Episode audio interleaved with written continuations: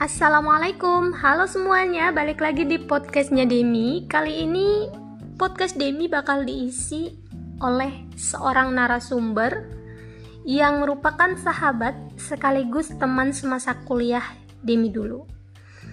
Um, Beliau pas banget buat ngisi tema podcast hari ini Yaitu tentang kebermanfaatan kita untuk orang lain.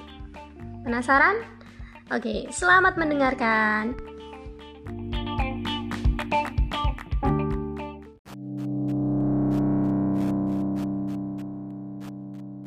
Oke guys, berbuat baik itu nggak harus lo nunggu kita soleh, iya kan?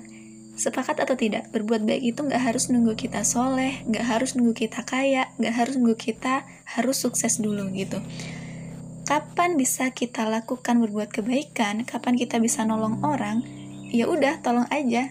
Simple sih kalau menurut gue gitu kan. Jadi teman-teman kalau misalkan ada yang menanyakan, kenapa sih lu kok orangnya gampangan banget? Kok lu mudah banget sih bantuin orang berkali-kali? Emang lu gak capek gitu?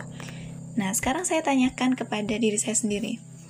Apa yang saya lakukan itu? Misalkan saya membantu orang gitu Nah, ketika saya melakukan kebaikan, yang saya rasakan tuh apa gitu? Apakah saya ngerasa dimanfaatkan? Apakah saya ngerasa bahagia? Kalau di hati kita ngerasa bahagia, ya udah lakuin aja, nggak usah lah dengerin kata-kata orang lain. Toh mungkin orang lain itu peduli pada kita, mungkin mereka berpikir kapan sih diri kita tuh memikirkan diri kita sendiri. Nggak usah deh terlalu banyak bantu orang, mungkin bisa jadi mereka seperti itu karena perhatian. Cuman kita juga harus punya uh, landasan ya kenapa kita berbuat kebaikan. Jadi ketika hati kita melakukan kebaikan, kemudian kita rasakan itu masih, iya ya gue kok dimanfaatin. Nah, hati-hati nih. Hati-hati bro. Kenapa? Kalau kita ikhlas melakukan karena Allah, kita tuh nggak akan mengharap timbal balik dari manusia itu sendiri.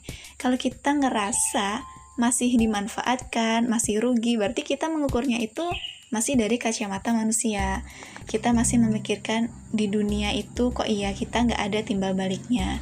Nah jadi teman-teman kalau saya pribadi berbuat baik itu saya ha, tidak harus menunggu soleha dulu, nggak harus ber ber apa berpikir saya harus kayak dulu, jangan kayak gitu.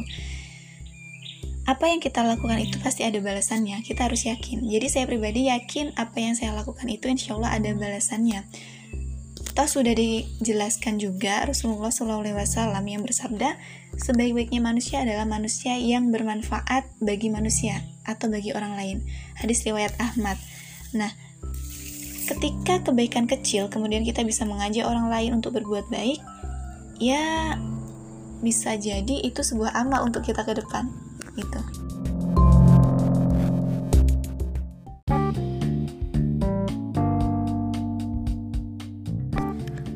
Oke, gimana gimana teman-teman? Semoga bermanfaat pokoknya. Jangan lupa diterapkan dan thank you dan dengarkan podcast Demi selalu. jangan lupa langganan.